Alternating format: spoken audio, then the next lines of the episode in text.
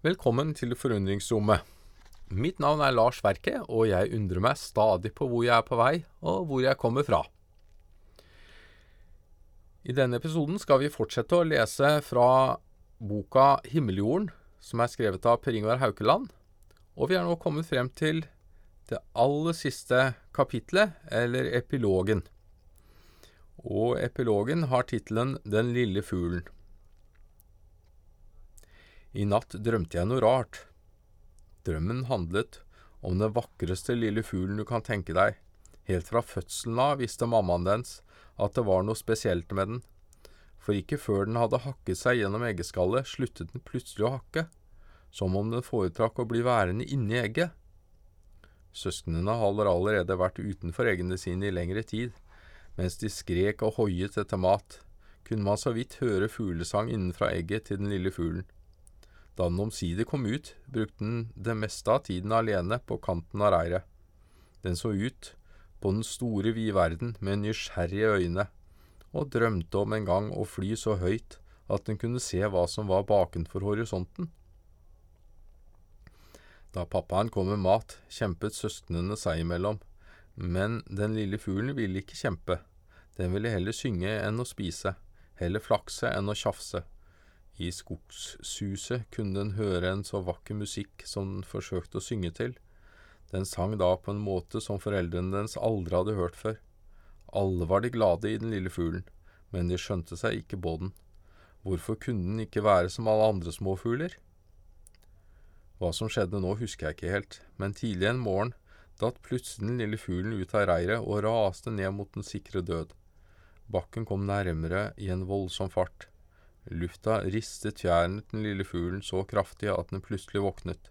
Like før den smadret i bakken, strakk den sine vinger ut og kjente hvordan lufta for første gang, og som i et mirakel, løftet den. Den fløy. Den lille fuglen sneiet bakken med en lup, selv måken Jonathan ville misunt den.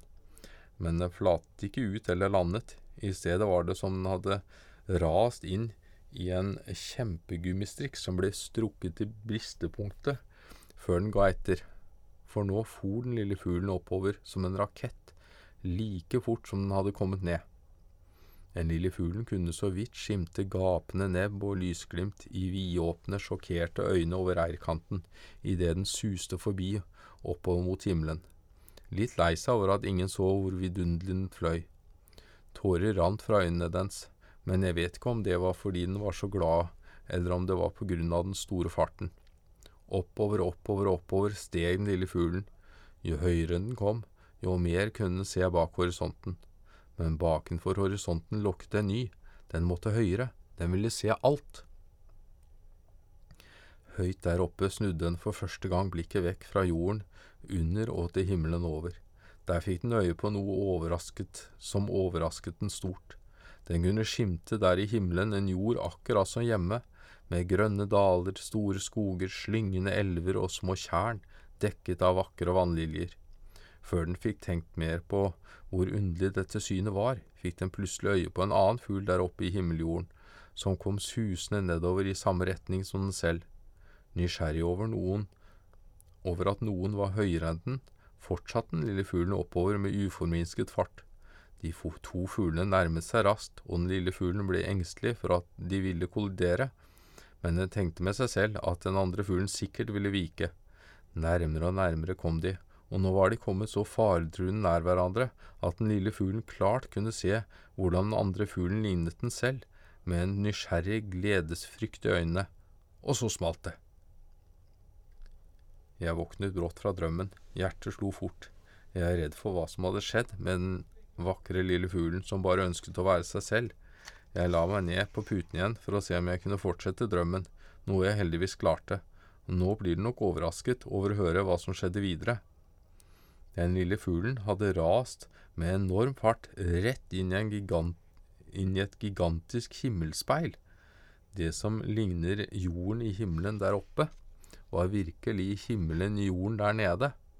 Den hadde truffet sitt eget speilbilde så kraftig at den lille fjærkledde kroppen falt som et høstløv død ned mot bakken.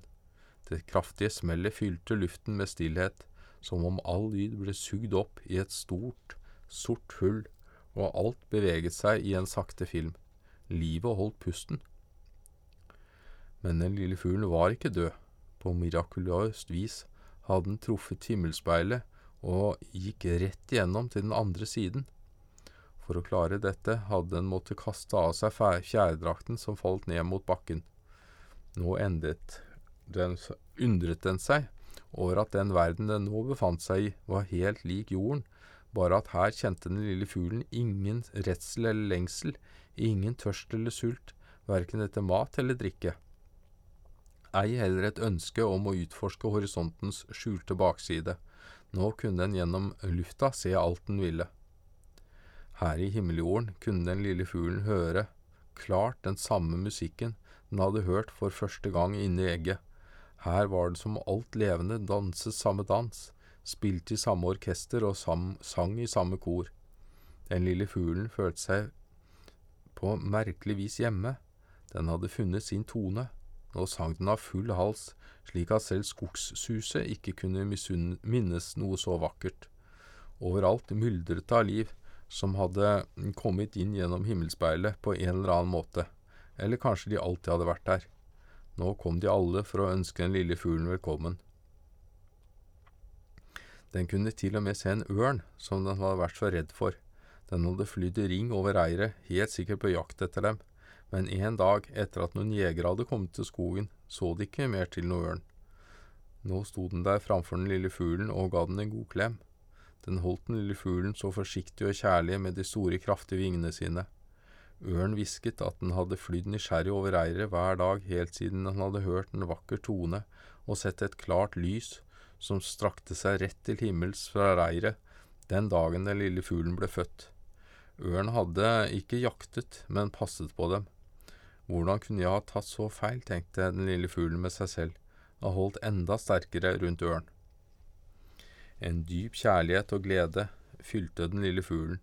For første gang i sitt liv følte den at den var fri til å være seg selv, fullt og helt, og sammen med andre som var, med andre som var opptatt av det samme som den, å synge, leke seg i luften og skape det gode og det vakre. Da den lille fuglen kikket tilbake til himmelspeilet, var den nå blitt et vindu til jorden. Gjennom vinduet kunne den se klart hvordan himmelen og jorden, luften, bakken, vannet og alt levende var vevd sammen i en trådløs vev til det mest farverike mønsteret du noensinne kunne tenke deg. Ingen var utenfor dette mønsteret, alle var innenfor, og alle skapte sin del av det. Den lille fuglen kunne nå se hvordan den store veven var et vakkert tre som sto og blomstret midt i jorden, selve livstreet. Da sollyset skapte dag over treet, lå natta og hvilte seg i dets svale skygge. Treet hadde dype røtter som strakte seg inn i den gode, mørke jorda og i det dype, mørke havet, og ga næring til alt som vokste og grodde. Enorme, sammenvokste grener risset livsvevens farverike mønster i lufta som omkramset jorden.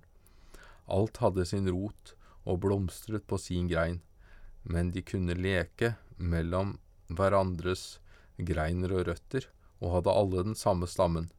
Når vinden rørte ved treet, skrap, skapte grenene og bladene grunntonen til all den musikk, rytme og dans som den lille fuglen hadde vært så betatt av fra reiret.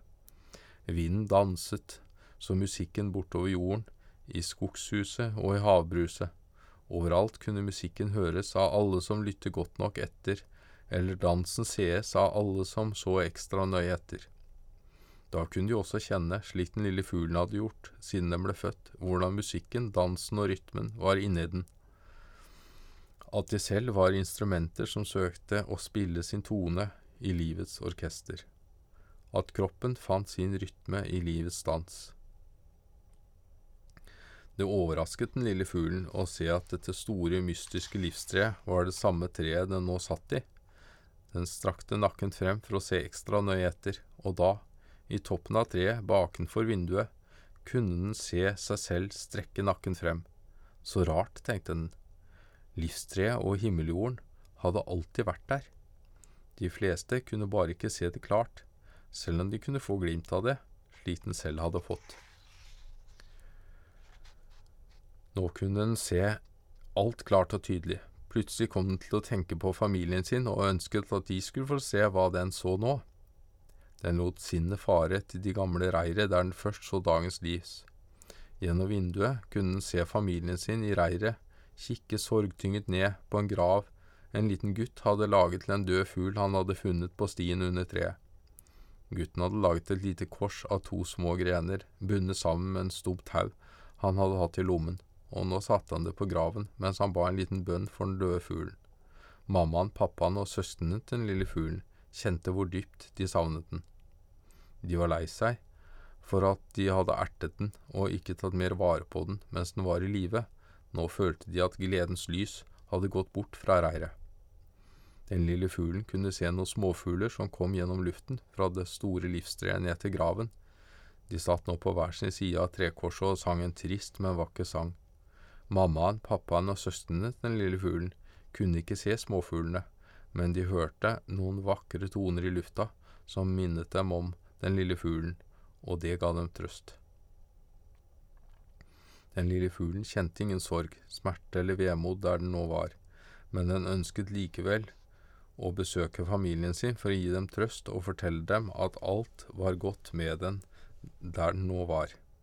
Med dette i hjertet og uten frykt fløy den i stor fart mot vinduet til jorden, og nok en gang for den rett igjennom, men denne gangen hadde den ingen synlig fjærdrakt. Kroppen, kroppen dens var like usynlig som lufta. Ingen kunne se den der den fløy forbi reiret.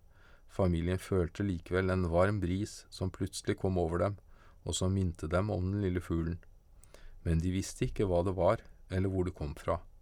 Og snart gikk den gode og varme følelsen over, og de satt igjen med det store savnet, sorget og smerten over aldri mer å få klemme på den lille, spede kroppen til den lille fuglen. Den lille fuglen visste ikke hva den skulle gjøre. For å fortelle familien hvor lykkelig den var over å ha oppdaget himmeljorden, så den spurte vinden om hjelp. Vinden svarte at den hadde det også slik, den ble bare sett og hørt gjennom det den rørte ved. Men hva skal jeg røre ved da? spurte den lille fuglen. Det må du finne ut selv, svarte vinden og dansket videre. Mens den lille fuglen funderte på dette, dukket plutselig en sommerfugl opp.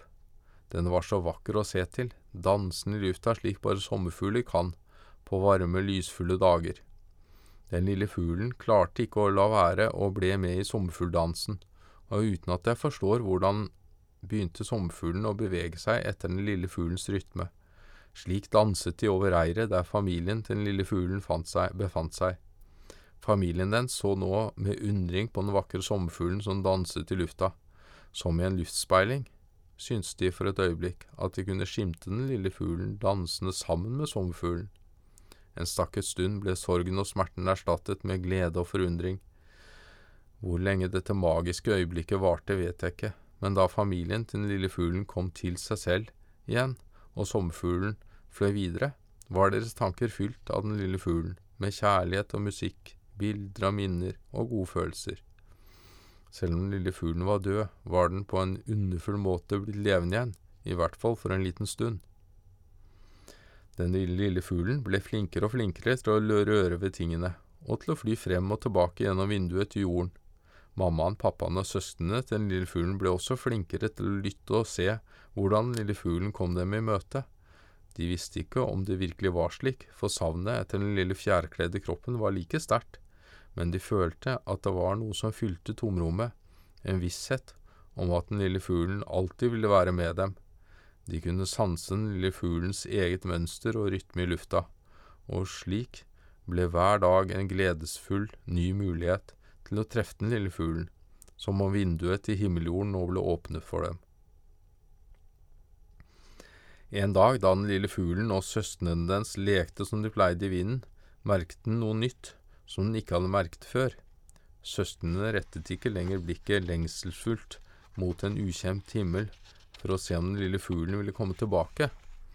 I stedet rettet de blikkene dypere og mer oppmerksomt inn mot himmeljorden som om de visste at den lille fuglen var her, et eller annet sted sammen med dem, spesielt når solen vekket jorden med ømme kjærtegn i soloppgangen, eller når den folder sitt gylne lysteppe over jordens mektige kropp i solnedgangen, kunne de se den lille fuglen danse og synge med dem. Det fylte dem med en indre fred, kjærlighet og glede, til den lille fuglen og til alt og alle. Fra toppen av det solfylte livstreet midt i himmeljorden kunne man se den lille fuglen med et smil om nebbet. Var ikke det en rar drøm?